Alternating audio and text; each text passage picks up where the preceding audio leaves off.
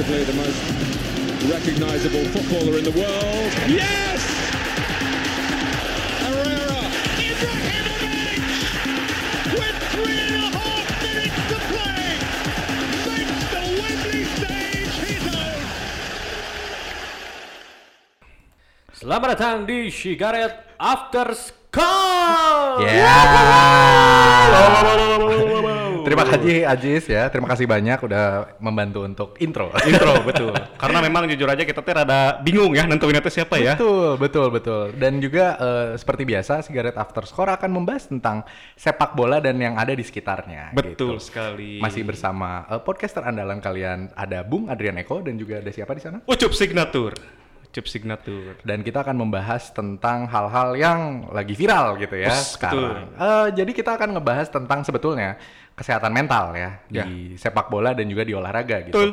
Karena kan terakhir itu kemarin ada isu ya pemain apa Manchester City ya, ya, Manchester City betul Akademi Manchester City itu Jeremy Winston. Winston Eh Winston, sorry Winston. sorry, kok kenapa pakai S ya? Winston. Nah jadi Jeremy Winston ini menuai perbincangan gitu kan. Tapi walaupun ya sebenarnya si uh, kematiannya ini belum uh, apa ya, belum jelas gitu ya. Jelas pastinya karena apa penyebabnya, cuman rumor yang beredar gitu, beliau itu uh, meninggal karena bunuh diri. ya gitu. bunuh diri betul Nah, di samping bunuh diri itu kan sebenarnya terkait banyaknya dengan eh, kesehatan mental gitu Ya. ya. Nah, ini sebelum ngomongin tentang eh, Jeremy Winston ini gitu. Kalau dari Bapak Ucup nih, eh, pernah nggak merasa depresi? Tapi ini mah relax dulu ya. Ah. Kayak merasa depresi karena mungkin timnya kalah gitu atau eh, lagi main game gitu Ah. kan. Eh, terus ngerasa anjir, ini ngedon banget gitu kan. Ya. Gimana ini? saya pernah tuh ngerasa depresi apalagi kalau di rental gitu ya kita kan sering ke rental ya Pak Eko ya Iya dong. sering ke rental main PS main FIFA gitu ya saya teh sekarang kad- kadang-kadang suka ngerasa acir kenapa sih susah pisanon Pak Eko teh gitu Eh, enggak dong. eh dibantai terus saya pas sama bapak teh Lah, tiga kosong empat kosong Iya, iya. lima kosong jarang menang lah anggaplah dari 10 match teh paling cuman 2 sampai 3 match yang bisa menang teh itu teh kalau Pak Eko tahu mah ya saya teh udah ngeluarin strategi teh banyak eh asli dah Iya. strategi bola, bola naga Strategi bola naga. jadi strategi bola naga teh kita menempatkan sebuah pola ala-ala tombak tapi meliuk-liuk kayak kayak naga gitu kenapa bola naga ya mainin main bola dong Ah, main iya, bola iya. dong strategi bola naga udah Iya, iya. strategi ular belut udah Eh. nggak nggak ngaruh Oke. strategi pecel lele apa pecel? Kenapa pecel lele? menempatkan pemain gelandang di banyak di banyak spot Ah. untuk menciptakan permainan Oke, tetap gagal juga Ah, iya, iya. saya menguasai bola 60 sampai 70 persen, Hmm. tetap kebobolan 4 gitu. saya nggak golin gitu, stres itu. Cir ini gimana ya? Cari tutorial. Saya nggak punya konsolnya. Nah, iya. Stres Pak Eko itu teh. Ya sebenarnya saya juga nggak punya konsolnya gitu. Cuman ini ya, maksudnya kadang-kadang gitu. Eh tapi gini ya, eh, btw saya nggak sejago itu ya. Eh jago loh, jago jago, bohong bohong, teposi bohong itu. oh ya benar. Eh, tapi ini ya, eh, sebetulnya kenapa mungkin bisa disebut eh, ngedon gitu ya, hal ya tidak menerima kekalahan dan segala macam gitu. Eh, ya apa tidak bisa menerima kekalahan, sorry ya maksudnya.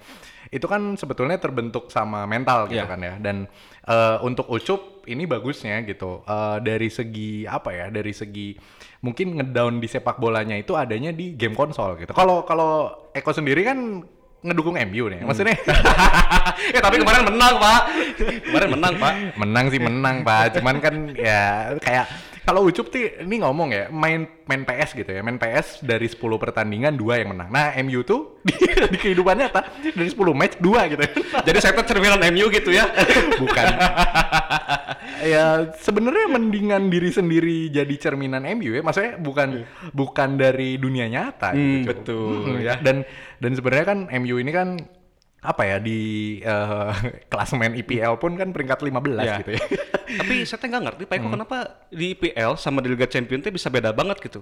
Di IPL teh kan kayak yang keseok-seok gitu. Iya iya iya. Nah di Champions teh kayak kemarin lawan PSG menang 2-1. Tadi malam lawan Leipzig teh menang 5-0 itu teh ada faktor apa? Padahal kan di Liga Inggrisnya teh udah wah terpuruk lah gitu. Ah. Ada motivasi apa sih sebenarnya kok yang Pak Eko lihat teh? ini yang saya lihat ya sebagai supporter Manchester United gitu ya eh, yang mana saya sudah sangat banyak terluka gitu mungkin ini ada urusannya sama yang namanya eh, apa namanya eh ya jadi mungkin dia tuh menempatkan urutan eh, apa Champion League itu sebagai apa ya? eh, Prioritas. prioritas. Nah, Hmm, iya itu. prioritas. Aduh, susah banget sih nyari prioritas.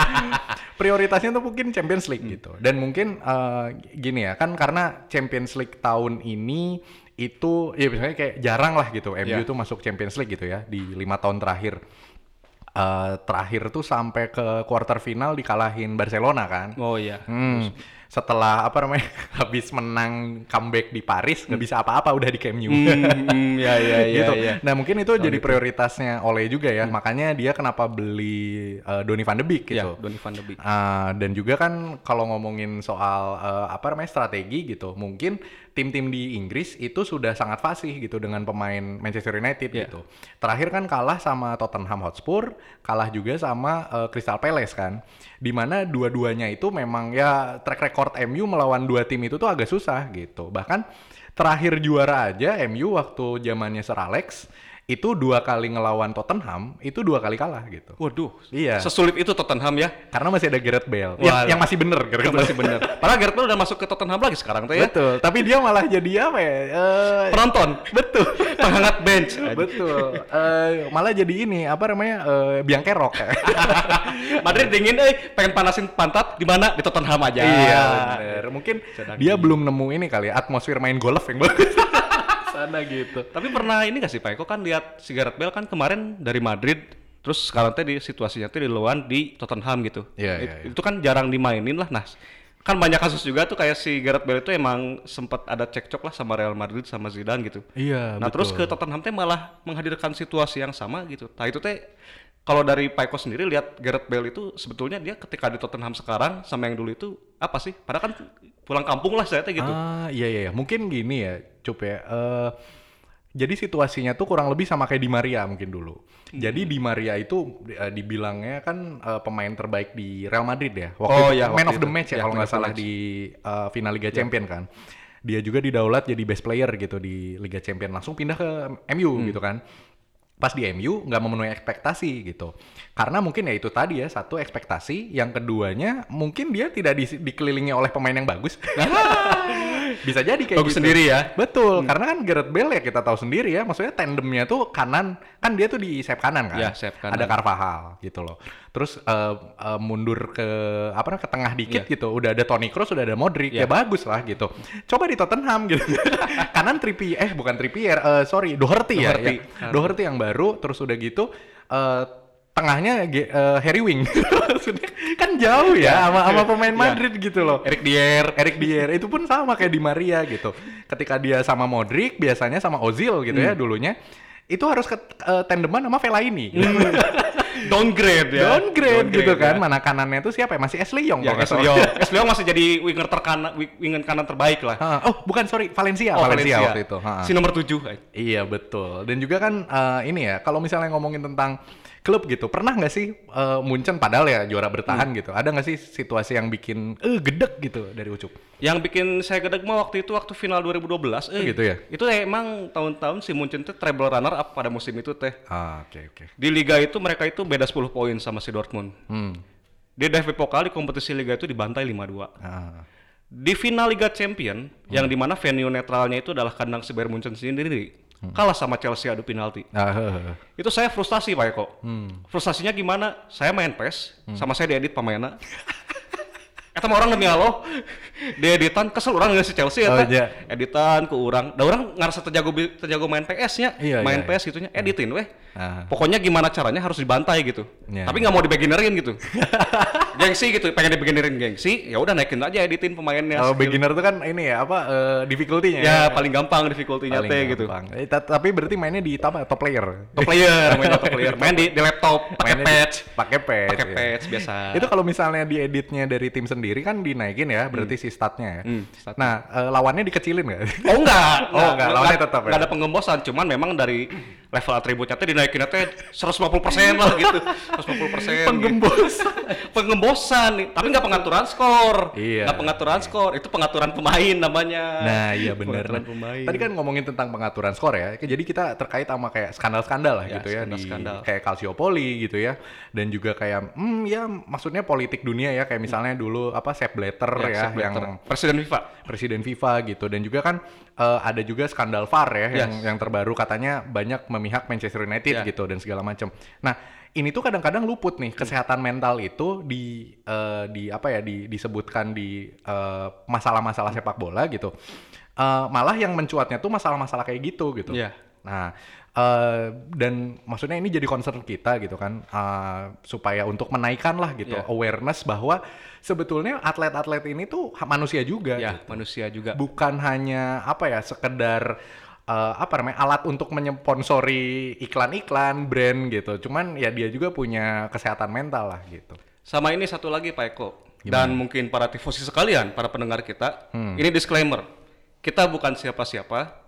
Kita bukan ahli psikologi. Kita bisa salah. Betul. Jadi memang eh, argumentasi ini teh jadi satu ini aja ya. Pemicu kalau kesehatan mental itu selalu hadir di dunia olahraga, terutama sepak bola gitu. Betul. Karena kan selama ini yang kita tahu teh sepak bola teh Ya karena kan selama ini teh sepak bola seperti yang kita tahu teh begitu lekat dengan hingar-bingar ya Pak Eko ya. Betul. Kayak misalkan Cristiano Ronaldo dia punya mobil banyak, Iya. dia bisa beli pulau. Orang kaya lah, hidupnya tuh bahagia gitu. Kadang kita tuh suka apa ya teralihkan dengan berita-berita kebahagiaan di dunia sepak bola, sedangkan di sisi lain orang-orang pemain sepak bola itu juga banyak yang memiliki masalah kesehatan mental gitu. Betul, betul. Banyak yang mengalami depresi tanpa kita ketahui gitu, tanpa kita sadari gitu. Iya benar dan juga kan eh, di sekitar kita pun gitu ya tidak harus melihat pemain bola ya banyak banget orang-orang yang terlihat bahagia dan padahal gitu di dalam dirinya dia tuh butuh pertolongan gitu Ya. kan eh, karena depresi itu gitu. Nah kita sudah melist ya beberapa pemain gitu yang eh, disinyalir katanya sih terkena penyakit mental tersebut gitu. Yang pertama ada Robert Enke. Nah, karena ini Robert Enke ini terkait dengan pemain Bundesliga gitu. Mungkin saya serahkan ke Bapak Ucup. Bagaimana nih? Ya, jadi memang Robert Enke itu waktu semasa dia berkarir jadi pemain, dia memang punya masalah kesehatan mental. Bahkan si ayahnya sendiri, ketika Robert Enke ini meninggal dunia, dia pernah mengatakan bahwa memang Robert Enke ini sejak kecil sudah punya ketakutan yang berlebih gitu. Oh, iya iya. Dia iya. dia tidak bisa menghandle ketakutannya itu menjadi sesuatu yang apa ya, katakanlah positif gitu. Ya, ya, ya. Positif. Tidak bisa dilecutkan ya menjadi sesuatu. Ha, ha. tidak bisa menjadi lucutan untuk sesuatu gitu. Hmm. Memang kan eh, Robert Enke ini seorang pemain sepak bola, dia bermain di beberapa klub, tapi memang karena eh, sejak pembawaannya itu agak apa ya genetik ya istilahnya ya. Betul. Karena secara genetik dia punya apa ya masalah kesehatan mental, Hmm.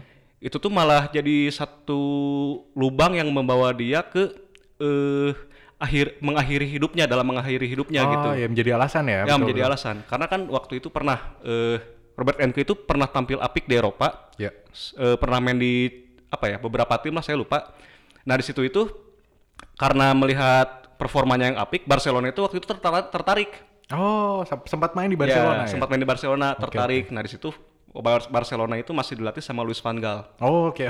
Hmm, Luis van Gaal Iya. my philosophy my philosophy Sebenarnya saya respect lah sama Luis Van Gaal. total football Ah, total football. Nah, Ya. di situ kan waktu di Barcelona itu musim 2002 2004 kalau saya nggak salah. Hmm. Eh 2000 ya 2002 2004. Nah, Robert Enke itu main di sana direkrut sama si Luis van Gaal di Barcelona. Oke. Nah, pernah suatu ketika itu Barcelona itu sedang menghadapi kompetisi Piala Liga. Copa del Rey Ya, Copa del Rey betul, Pak Eko. Waktu itu lawannya itu tim divisi 3 Hmm. namanya Novelda.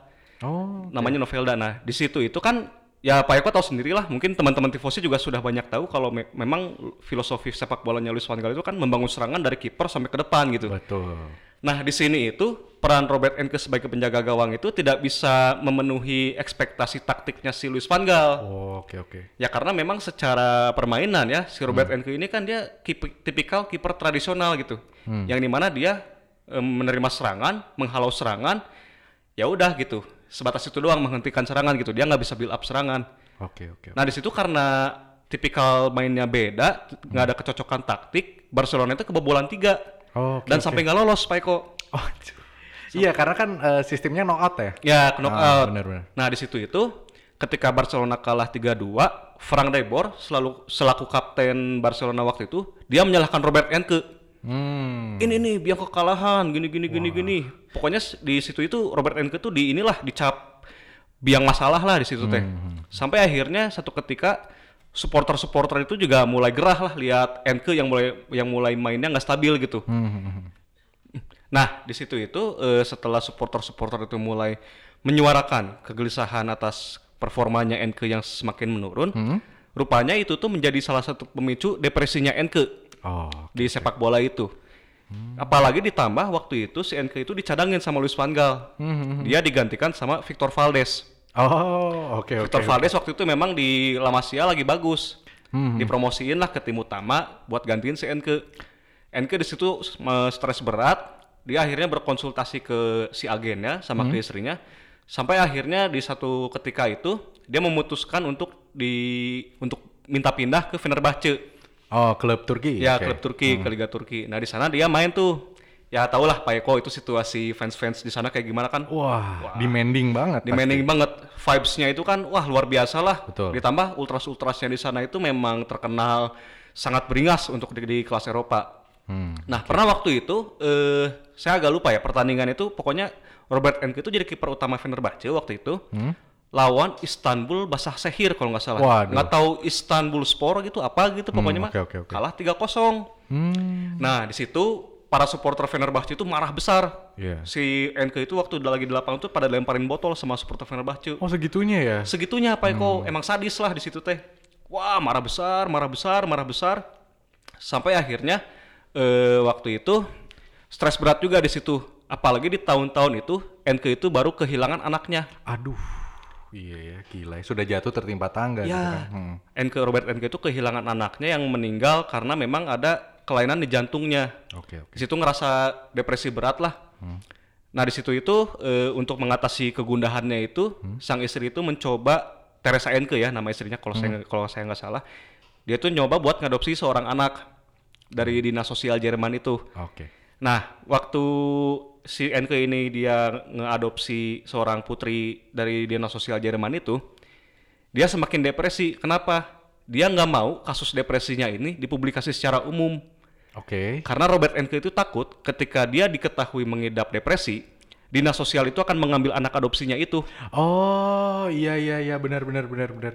Waduh, gila ya maksudnya dia tuh harusnya depresi itu kan di benar-benar diatasi ya. Ya, diatasi. Eh, malah dia tuh terkungkung karena keputusannya untuk mengadopsi anak. Ya, gitu. mengadopsi anak. Dia merasa, waduh ini eh, udah ini lah, udah kalut dia itu. Oh gitu Udah kalut. ya. Nah. Jadi berarti eh, Robert Enke ini tidak hanya bermasalah di Jerman ya, Ya. Maksudnya sorry di Jermannya mungkin di kota kelahiran ya, tapi Ya. eh, juga dia ka- karena karirnya itu sudah sangat besar gitu Hmm. ya, jadi eh, apa ya ibaratnya fans-fans terkait pun ya Fenerbahce Hmm. dan juga Barcelona gitu, bener-bener demand dia untuk terlalu bagus Ya. gitu.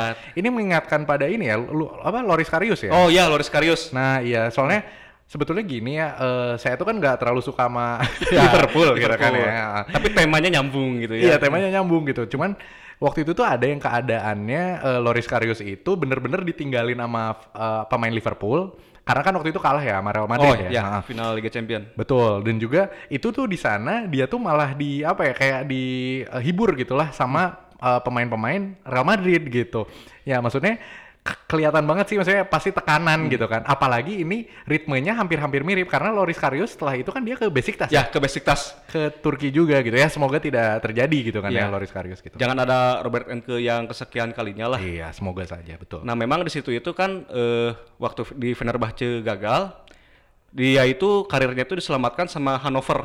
Oke. Sama Hannover. Hannover waktu itu lagi butuh kiper, Robert Enke diambil lah. Hmm. Di salah satu kontraknya itu agar Robert Enke dapat tampil percaya diri untuk mengurangi depresinya itu, dia itu dijadiin kapten utama. Oh, oke oke. Jadiin oke. kapten utama, jadi kapten, tampil bagus di, Hmm, di Hannover itu. Bahkan sempat waktu itu setelah era Jens Lehmann sama Oliver Kahn berakhir itu, Robert Enke itu digadang-gadang bakal jadi kiper utamanya timnas Jerman di Piala Dunia 2010. Oh iya, benar benar Hmm. benar benar. Tapi sayangnya ya, yang namanya hidup pilihan ya, kita tidak tahu orang seperti apa. Di situ itu Robert Enke akhirnya memutuskan bunuh diri Oh, oke. dengan menabrakkan diri mobilnya itu ke persimpangan rel kereta. Iya, iya, iya, iya. Bahkan sebelum kasus bunuh dirinya itu, Robert Enke itu eh, bikin satu catatan, bikin satu catatan di di rumahnya. Waktu Robert Enke meninggal itu, eh, sang istri itu dikasih kabar sama temennya, sama temennya. Nah, kamu eh, tenang dulu ya, Robert Robert Enke di sini waktu sebelum pergi ngapain aja? Cina. Dia bilang mau latihan kiper, Oke. mau latihan training tim sama Hannover. Ah, Akhirnya eh, si istrinya ini coba konfirmasi ke si pelatih kipernya Hannover. nah. Robert kenapa jam segini sampai jam segini masih belum pulang ya? Oh nggak tahu karena memang hari ini nggak ada latihan, Wah, iya, iya, oke. nggak ada latihan. Akhirnya diselidik selidiki selidiki selidiki selidiki. Kemudian diketahui Robert Enke itu udah ke- udah meninggal dunia gitu Oh, iya, ditabrak kereta gitu. Nah ini tuh jadi pemicu juga Pak Eko. Eh, salah satu ini juga ada penggawa timnas Jerman, eh bukan penggawa timnas Jerman, adalah pemain Jerman Ya, oke. di klub divisi bawah. Dia itu mantan pemain San Pauli. Ah, Namanya itu Andreas bentar. Birman ya? Ya, Andreas Birman namanya Oke, itu. ya, ya, ya, ya, ya, Dia ya, itu tahu, bahkan pada setelah Robert Enke memutuskan untuk mengakhiri hidupnya sendiri, Hmm? dia angkat bicara ke publik, ke media bahwa dia juga mengidap depresi. Ya, ya. Sampai akhirnya si eh, Andreas Bierman ini Hmm. dia sempat mengalami perawatan terapis lah. Hmm. Penga- bukan terapis itu ya. bukan terapis itu. Ya, ya, ya. pernah menga- apa ya di dilakukan perawatan intensif intensif tentang Betul. masalah mental dia di rumah sakit. Hmm. Sampai akhirnya itu dia memutuskan bunuh diri setelah be- beberapa kali melakukan upaya bunuh diri. Ya, ya, ya, oke, oke. Dia merasa apa ya? Kalau saya lihat sih di sini situasinya eh, si Andreas Bierman ini dia seolah nggak punya teman gitu. Ya. Wah ini Robert Enke udah meninggal nih. Hmm. Jadi apa ya semacam dorongan tersendiri lah kalau yang saya Oh, itu lihat tuh gitu. masih temenan ya sama Robert Enke ya? Kalau temenan atau enggaknya sih saya nggak tahu. Oke, oke. Cuman yang jelas apa ya? Ya Robert Enke kan sosok besar lah. Betul. Salah satu sosok besar di timnas Jerman yang berposisi se- sebagai penjaga gawang. Hmm. Di sini Andreas Bierman yang Andreas Bierman yang bunuh diri juga Hmm. sebagai penjaga gawang ada satu inilah satu apa istilahnya ya? Satu latar belakang yang sama gitu. Ya, betul, betul, betul. Gitu kalau menurut saya. Oh gitu. Nah mungkin itu ada beberapa contoh ya tadi ya dari Jerman gitu Ya, kan. dari ada Jerman. dua dua pemain yang menderita depresi. Nah sekarang kita pergi dulu ke Inggris ya. Jadi di Inggris pun ada sebetulnya Hmm. Cuk. Namanya adalah Gary Speed. Dia mungkin ada beberapa tifosi yang tahu juga ya. Dia tuh mantan pemain Bolton Wanderers gitu. Oh, dia di PS ada itu. Ya benar dulu. Dia lu lumayan bagus ya, Ya, sebetulnya. lumayan ya. bagus. Karena ketika saat itu kan Bolton Bolton salah satu yang uh, apa ya ibaratnya tim pendobrak lah. Ya. Uh, kayak Wolves mungkin ya. Oh, ya, Untuk- Wolves. Untuk sekarang gitu. Ah, masih ada JJ Okocha kan di Ya, situ juga. JJ Okocha. nah, uh, Gary Speed ini itu tewas setelah beliau itu gantung diri gitu. Dan dia juga uh, mengancam istrinya untuk bunuh diri gitu. Waduh, Nah, diancam. ini ada di tahun 2011 dan sebetulnya kan itu dekat-dekat ya Robert Enke dan juga Gary Speed dan juga eh, yang terakhir tadi siapa Andreas Bir- Bierman. Bierman ya, betul. Nah, untuk yang dekat-dekat ini itu sebetulnya ada juga namanya Joseph Ilicic. Oh ya. Nah, gimana nih? Joseph Ilicic ini sebetulnya nggak sampai bunuh diri ya. Cuman ini kan yang namanya depresi itu uh, pasti ada triggernya lah Ya. semua. Nah, yang terbaru itu jadi uh, sampai beliau itu nggak main di uh, Atlanta. lawan Atalanta betul lawan eh ah, sorry di Atalanta nggak ber- nggak bermain lawan PSG sorry di Liga Champion kan tahun kemarin tuh Oh ya, tuh tahun kemarin ya. eh bukan tahun kemarin ketang eh apa ya eh musim kemarin Ya, sorry musim, itu yang kalah itu ya si Atlanta ya di comeback sama Chopo Moting itu ya. Betul. itu kenapa ya Cupo Muting tuh selalu ke tim-tim juara gitu loh. Unlikely player memang. Ah, sorry sorry out of topic ya. Cuman eh, kalau untuk Ilicic sendiri kan beda dengan yang lain ya. Kalau yang lain kan memutuskan untuk mengakhiri hidupnya. Kalau Ilicic sih sekarang itu eh, sudah berangsur membaik. Jadi beliau itu dia eh, bermain sangat bagus gitu ya untuk Atalanta. Nah kemarin itu kan sempat era break break dulu kan ya karena COVID gitu. Nah beliau itu pergi ke eh, rumahnya dengan harapan dia tuh mau nge-surprisein istrinya gitu. Istriku. Istriku gitu kan. Pas datang eh ternyata istrinya lagi sama lelaki lain gitu. Aduh. Nah di situ eh Ilicic ngerasa wah wah mental breakdown lah dia sampai harus ke psikolog dan segala macam. Nah hebatnya gitu Atalanta dengan sigap gitu semua pemainnya dan semua jajaran staff gitu itu eh, langsung apa ya kayak friendly lah gitu buat si Ilicic ya udah nggak apa-apa lu nggak usah mikirin dulu main sok silahkan gitu maksudnya eh, beresin dulu Ya, masalah take a pribadi time. take a time betul banget gitu dan eh, bagusnya gitu eh, di apa ya di, di terakhir gitu beritanya katanya Ilicic udah mulai latihan. Hmm, Jadi wah. sebelum Ah, Kembali ya. jadi kita sangat-sangat menantikan gitu kan Trisula Maut gitu, ya. Papu Gomez, eh, eh, Ilicic. Dan juga satu lagi siapa ya? Eh, Aing lupa. Tapi pokoknya ada lah ya. Pokoknya pokoknya Trisula Maut kan. Eh oh, sorry, sorry, Dufan Zapata. Nah, Dufan Zapata. Betul. Nah, itu kan sebenarnya Trisula terbaik ya, di Ya. Eropa salah satu. Kemarin waktu yang lawan menang 4-0 itu Ilicic main juga nggak? Wah, kurang tahu tuh. Kak, eh, maksudnya gini ya, sebagai fans ya pasti ya kita semua tuh eh, seneng sama yang namanya David ya. Ya. Ketika David versus Goliath gitu. Kita tuh seneng sama yang eh, apa rising rising gitu kan. Ya. Timnya tuh yang eh, underdog gitu Ya. kan. Nah, Atalanta ini salah satu pendobrak gitu. Pasti kita semua tuh seneng lah. Tapi cuman eh, untuk eh, urusan ini gitu, kita kayaknya asa bersimpati gitu Ya. kan. itu emang apa ya situasi yang katakanlah kita teh selama ini deket apa ya sangat percaya dengan orang yang di dekat kita gitu. ya Hmm, mungkin betul. contoh Josip Ilicic gitu ya. Dia sangat percaya sama istrinya gitu. nggak akan melakukan hal yang aneh-aneh. Tapi ternyata dia itu waktu begitu pulang ke Kroasia menemukan istrinya sedang ini ya sedang bersama laki-laki lain gitu. Betul, betul. Apa ada ada semacam ini eh, kepercayaannya itu dihinakan gitu. Iya, Dihinakan benar. gitu. Dan juga kan eh, selain itu ya, maksudnya ini ini tanpa mengurangi rasa hormat ya, kita juga melist ada beberapa eh, pendukung tim mungkin ya. Ya, nah, salah satunya tuh sebenarnya Arsenal ya. Walaupun saya sebenarnya gini, eh, pengen banget gitu ya ngehina-hina Arsenal. Cuman eh sebenarnya ngebenter ya jatuhnya. Cuman eh, kadang-kadang gitu ya pendukung Arsenal ini tuh eh, tergolong dewasa Ya. gitu. Jadi rata-rata yang fans Arsenal awalnya itu pada pindah ke tim-tim bagus kayak misalnya dukung Bayern Munchen, dukung eh, Barcelona, dukung Real Madrid gitu. Dukung Chelsea. Wah aneh sih. Maksudnya kalau kalaupun ada aneh gitu. Rival kok didukung aneh anjir. Nah cuman kan eh, pendukung Arsenal ini kasihan juga gitu ya. Dia tuh tahun ke tahun itu selalu mencari next next next. Apalagi dia setelah Invincible. Oh iya, 2004 itu ya Pak Eko ya? Betul. Walaupun sebenarnya nggak nggak lebih jelek dari MU juga gitu. Maksudnya dari secara peringkat pun sekarang sama MU kan sebenarnya eh, di, 11, di atasnya MU gitu sih Arsenal. Cuman dari segi apa ya? eh, mungkin konsentrasinya tuh mungkin dari segi taktik lebih bagus mungkin ya sekarang untuk Manchester United gitu dibanding.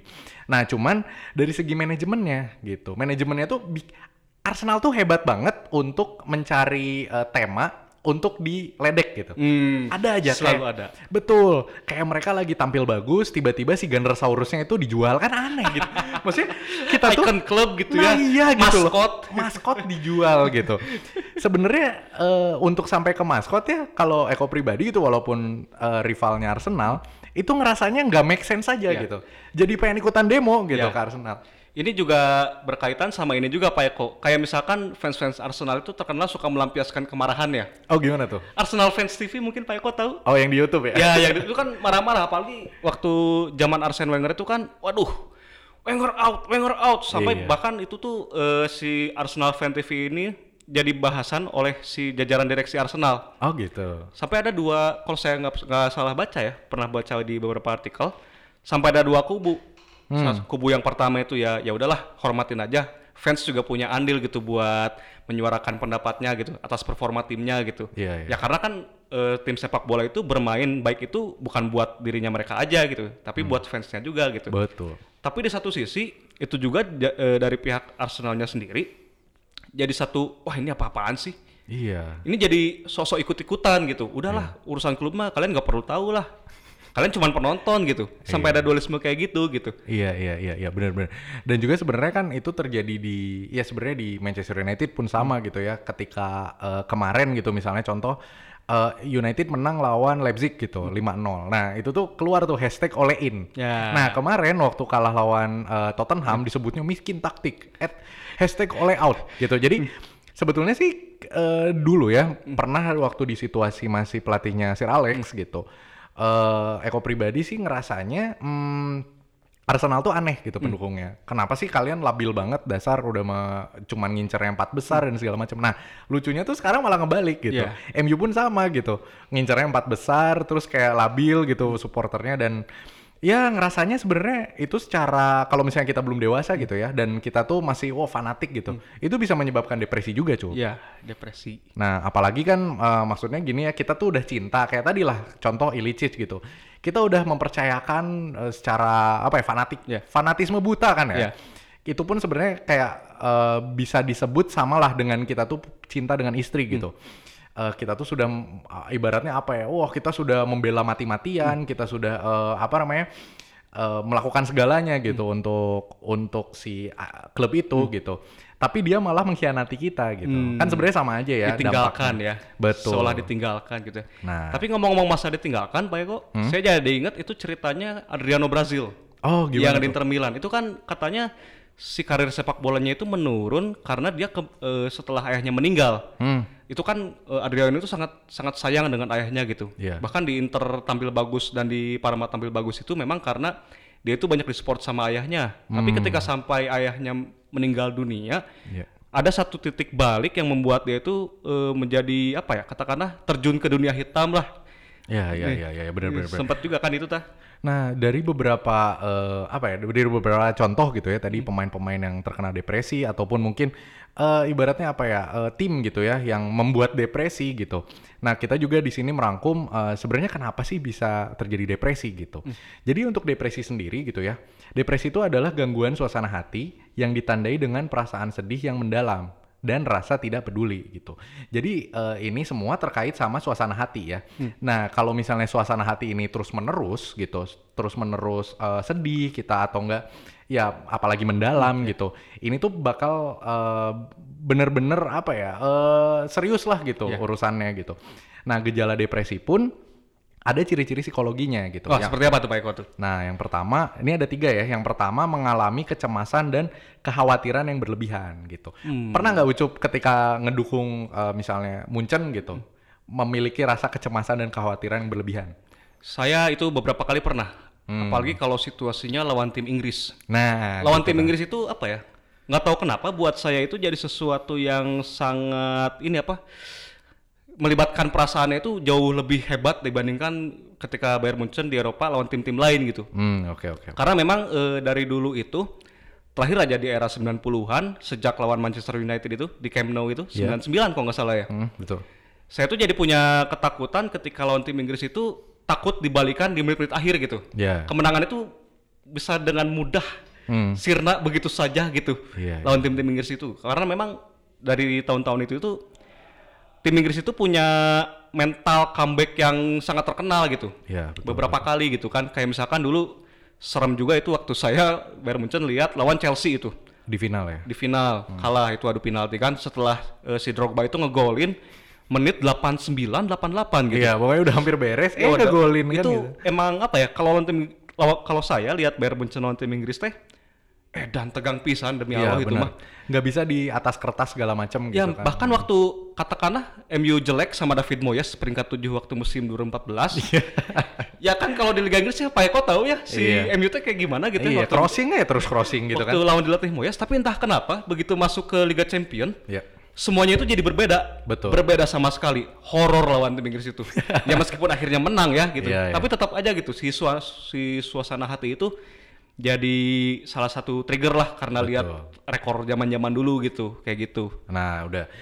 Itu tuh bener banget ya. Eh, dan juga kan tadi selain mengalami kecemasan dan kekhawatiran yang berlebihan, yang kedua juga ada nih, tidak stabil secara emosional. Dan yang ketiga adalah merasa putus asa atau frustasi. Nah, Ya, Gimana nih, gimana nih, gimana Itu sama kayak kasusnya Gabriel, Ba- Gabriel Batistuta. Oh gitu ya. Gimana Bati- misalnya nih? Jadi Batistuta itu pernah cedera lama di Roma, kalau saya nggak salah itu ya, setelah Hmm. baca-baca. Dia tuh cedera lama, eh, terus kemudian proses penyembuhannya juga lama ya, karena waktu itu dia cedera ankle gitu. Oke. Karena waktu masa penyembuhannya itu lama, Hmm. si Batistuta itu dia eh, ketika sembuh susah sulit menemukan performa terbaik. Sampai akhirnya dia tuh mencapai satu proses, eh bukan satu proses, satu fase di mana dia tuh sangat frustasi karena nggak bisa menemukan performa terbaiknya. Hmm. Sampai-sampai Pak Eko si Gabri- Gabriel Batistuta dia minta ke si dokter medi ke si dokter timnya itu Hmm. buat ngamputasi kakinya. Wah segitunya ya? Ya padahal kan selama ini Batistuta teh terkenal dengan tendangan yang sangat edan gitu iya ya. gitu. Apalagi ini yang ikonik yang dia berdarah itu yang eh, pakai baju timnas Argentina. Oh Masih iya, ingat nggak? pernah Ah. pernah itu. Pokoknya itu tuh dia tuh ya ibaratnya apa ya? Kalau secara mental sih dilihat dari uh, luar gitu ya. Batistuta tuh bagus banget gitu. Bagus banget maksudnya kayak nama Javidik, Batistuta. Ternyata tetap ya. Ya tetap aja gitu Hmm. menemukan fase-fase di mana, waduh ini saya nggak bisa stuck terus nih. saya harus Oh, oke, apa ya? Kadang-kadang ada eh, orang yang kalau bagus bagus sekalian, jelek jelek sekalian gitu. Ya itu kan apa ya? bisa dikatakan menjadi hal dasar kenapa orang teh pada akhirnya gampang depresi lah. Menurut saya itu, Maya. ya, Ah, saya iya, juga iya. bukan psikologi gitu ya, bukan ahli psikolog gitu. Ah, nanti mungkin lain kali kita undang lah psikolog. lah. Ah, boleh, boleh, boleh. Dan juga tadi selain ciri-ciri psikologi ya eh, untuk apa namanya gejala depresi gitu, ada juga sebetulnya ciri-ciri fisik. Wah, jadi menyerang juga ke fisik tuh depresi itu. Nah ada tiga nih. Yang pertama ada selalu merasa lelah dan tidak bertenaga. Hmm. Yang kedua ada mengalami pusing dan rasa nyeri tanpa penyebab yang jelas. Yang ketiga ada menurunnya selera makan. Ini sebenarnya eh, hal-hal kayak gini tuh kelihatan banget ya. Karena rata-rata ya kalau eh, Eko ngeliat gitu, orang-orang yang depresi itu biasanya menunjukkan apa, eh, apa sering ngahulang lah Ya. bahasa nama gitu. Dan eh, karena kalau sering ngahulang berarti kan dia ada hal yang dipikirin gitu. Dia menutup selera makan, dia menutup ya ibaratnya kewajiban dia untuk minum air putih gitu. Ataupun dia wah kebanyakan rokok atau apa gitu ya. Nah, pasti akan terjadi hal-hal kayak gini gitu. Lucunya adalah sebetulnya para psikolog itu menyarankan ketika eh, orang itu depresi itu untuk berolahraga. Tapi ternyata atletnya sendiri eh, Mengalami depresi. Mengalami depresi gitu. Maksudnya jadinya kan bingung juga Hmm. gitu. Menurut Bung Ucup nih gimana nih? Emang serba salah ya depresi itu apa ya? Eh, selama ini teh kan ya yang udah tadi dibahas di awal-awal, memang kan di sepak bola teh identiknya sama ingar-bingar. Ya. Saya teh jadi kadang-kadang apa ya Pak Eko ya, selalu ngerasa eh, pemain-pemain yang depresi itu semacam jadi ini, semacam jadi korban atas industri sepak bola gitu. Oke, ya benar-benar. Karena eh, pada akhirnya itu sepak bola itu jadi satu satu sisi yang melihat manusia itu sebagai objek, Betul. bukan sebagai subjek gitu. Ya katakanlah barang dagangan lah bisa dibilang mah gitu Iya, ya. benar-benar. Karena kan ya lihat nih pemain terkenal nih, bagus gini-gini ya. Kita kan nggak tahu ya di belakang itu teh kayak gimana gitu ya. Apalagi kan kayak dilihatnya tuh pemain bola tuh sekarang kayak papan iklan gitu Ya kan. kayak pemain iklan berjalan gitu. Ya bahkan kan kayak contoh Robert Enke gitu di awal-awal dia direkrut di Barcelona, begitu tampil jelek ya buang aja gitu. Iya, benar-benar. Si Barcelona kan yang saya lihat ya, Hmm. itu nggak mikirin, wah ini Robert Enke kenapa nih ada performanya jelek nih. Betul, betul. Nggak ada nggak ada penanganan lebih lanjut lah gitu. Masih apa ya? Kurang diekspos gitu. Padahal Iya. kan itu yang memang sehari-hari itu men- menghinggapi permasalahan si pemain sepak bolanya gitu Pak Eko. Iya, dan juga kan eh, sebenarnya kalau di breakdown lagi gitu, sebenarnya penyebab depresi itu bukan hanya dari sekedar apa ya pengalaman dan pengaruh luar, tapi kadang-kadang juga dia ada faktor genetik, hormon dan juga zat kimia di otak. Maksudnya tuh, jadi kadang-kadang kayak misalnya contoh, eh, ya ada beberapa lah, ada beberapa kasus gitu ya. Jadi memang dari mulai ayahnya eh, sampai ke anaknya. Tadi Robert Enke kayak gitu juga ya? Ya Robert Enke diduga ada ada ini apa peng- eh, genetik, Nah, pengaruh gitu. genetik juga. apalagi kalau misalnya udah tahu gitu ya dari awal oh punya eh, penyakit bawaan gitu Hmm. ya depresi ini ya alangkah lebih baiknya sih memang eh, di apa ya disupport gitu ya, Ya, oleh disupport. keluarganya gitu dan juga eh, dibimbing lah gitu kan maksudnya siapa yang pengen lihat anaknya tuh eh, meninggal dengan cara yang tidak pantas gitu kan Eh, bukan tidak pantas sorry tidak wajar gitu karena eh, untuk hal depresi ini kan ya bisa menyebabkan kematian gitu Nah, nah, tapi kalau ini nih kita mau rada belok dikit ya. Kalau misal misalnya kita bicara masalah Lord Bender gimana itu? dia kan soalnya gini yang saya lihat ya. Iya, iya, iya. Dia tuh kan punya kepercayaan diri yang tinggi gitu. Ah, ah, ah. Bahkan dia pernah bilang eh saya kalau kalaupun saya pindah dari Arsenal, saya mau pindah ke Bar ke Barcelona atau ke Real Madrid. Hmm. iya betul Tapi performa dia tuh aduh ampun gitu. boro-boro gitu Boro-boro gitu. Dia tuh bahkan sering jadi meme gitu. Iya jadi meme ya. Yang dapetnya Ballon d'Or tuh harusnya Lord Banner, tapi dia Iya, tuh ngalah kasih ke Ronaldo gitu kan. kan itu teh jadi apa ya? Kalau saya lihat pak, apa itu teh apa ya? Yang jadi pertanyaan saya teh apakah itu jadi satu bentuk depresi gitu? Nah, Apa kesehatan jadi- mental gitu, over apa? Over istilah itu? Confidence. Over confidence gitu atau Iya, gimana iya. sih lihatnya? Kalau menurut Jadi kalau misalnya ngebahas tentang Lord Bedner ya dan juga misalnya Ibrahimovic gitu. Eh, sebetulnya mereka berdua ini bisa gitu ya, bisa eh, jadi penyemangat lah. Karena eh, ngelihatnya gini. Lord Bender dan juga eh, siapa Ibrahimovic. itu kan sebenarnya disebutnya ya orang yang bisa tampil gitu ya. Eh, mungkin dia di dalamnya dia depresi pun eh, itu tuh jadi apa ya bisa jadi bumerang sendiri gitu. Karena kan apa yang dia katakan tuh sebenarnya semakin beban gitu kan ya. Nah eh, ya kita harap, berharap aja gitu ya dari Lord Bender dan juga Ibrahimovic gitu. Hebat ya. Bender disebutnya Lord loh Ibra enggak loh gitu. Ibra kan God. oh iya ya jadi, jadi Ibra gitu ya. God Ibra. Nah, kalau Atep apa? Lord Oh, Atep. Lord Atep. Ya, sekarang nyalon ya, nyalon jadi wakil wali kota. Oh kan? iya? Iya. Di mana? Kabupaten Bandung apa di mana gitu? Aing lupa, aing lupa. Nantilah bisa di research ya, coba ya. iya, nah, tapi iya, gini lah. eh, maksudnya bagusnya gitu ya, confidence dari mereka tuh kan ditimbulkan dari eh, apa ya? Ibaratnya mereka tuh tidak men- menjadikan eh, bahan lelucon untuk mereka Iya. itu sebagai eh, hal yang eh, apa ya hal yang menjatuhkan gitu tapi mereka malah menjadikan itu tuh memupuk jadi semangat gitu Oh, mengubah sampah menjadi emas gitu ya. Nah iya Hmm. mungkin orang-orang yang menderita depresi seharusnya bisa berkaca dari mereka gitu. Padahal mereka tuh eh, apa ya ya biasa-biasa aja. Sorry bukan Ibra ya tapi si Bedner gitu. Bedner dan Atep ya sorry. nah mereka tuh bisa mengubah gitu eh, apa ya mereka tuh disebut Lord kan sebenarnya sarkas ya Iya. gitu. Tapi mereka bisa mengubah itu tuh menjadi pecutan gitu. Di mana mereka oh ya saya punya engagement gitu di Iya. sini gitu. Tapi sebetulnya kalau yang boleh saya bilang mah apa ya?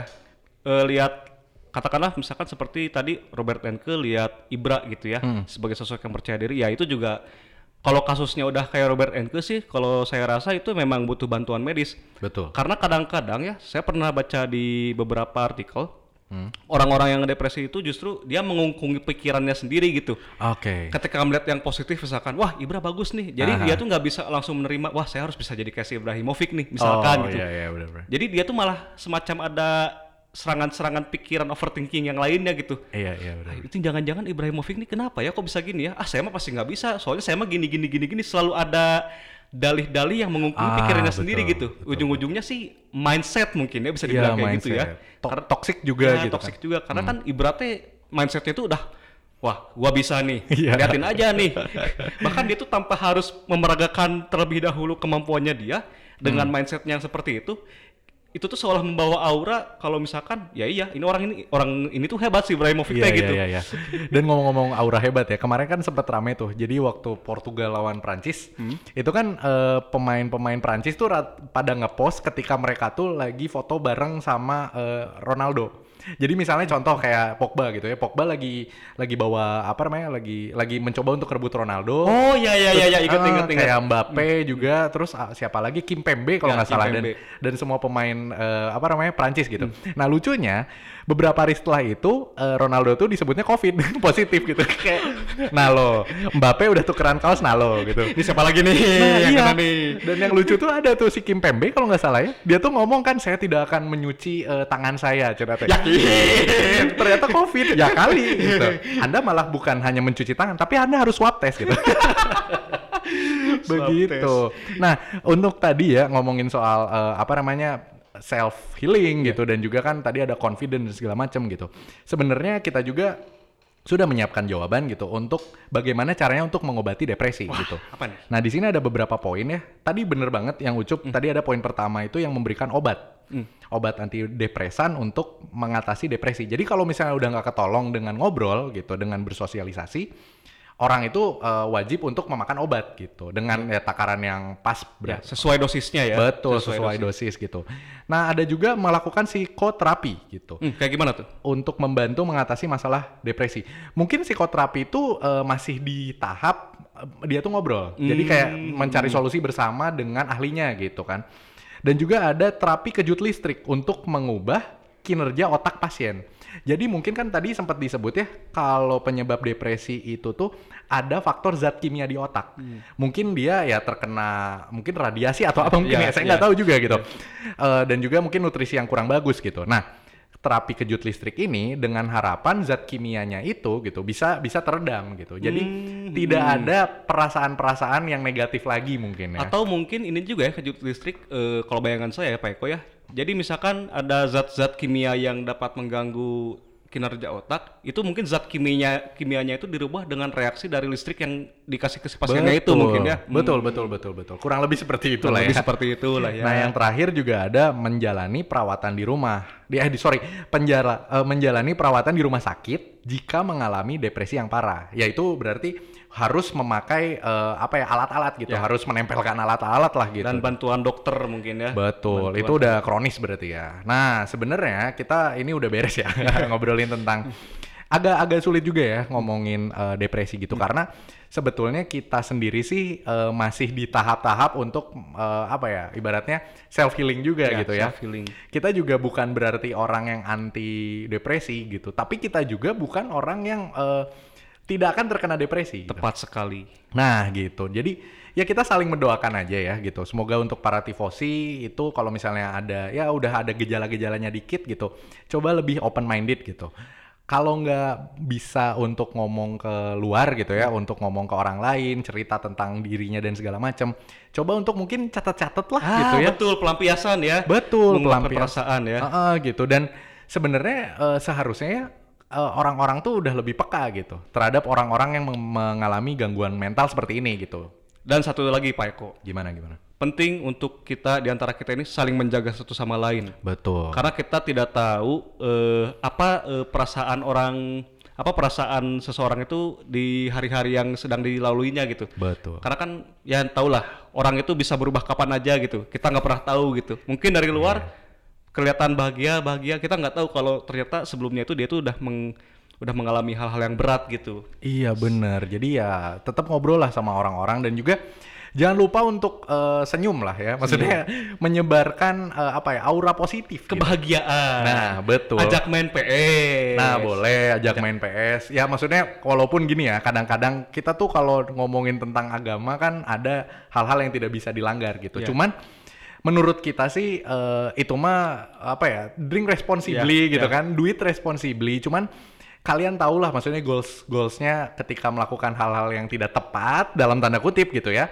Seperti ya misalnya minum atau misalnya ya karaokean Iya. yang plus-plus gitu. Tapi kalau itu kalian udah merasa untuk wah aing eh, orang gitu ya, orang bisa lepas gitu dari dari kungkungan Pikiran. depresi gitu ya, pikiran mental dan segala macam. It's okay, tapi ya selanjutnya ya responsibly lah. Jangan jangan juga eh, ketagihan gitu kan. Hmm, tahu limit ya. Ya, Pastikan tahu tahu limit. limit. Ya. Betul. Ya paling gitu aja ya untuk episode kali ini. Ya, eh, sekian aja dulu hari ini. Kita akan ketemu lagi di episode berikutnya. Ya, terima kasih semua tifosi ya. Saya Ucup Signatur undur diri dan Saya Adrian Eko juga undur diri. sampai jumpa di episode berikutnya.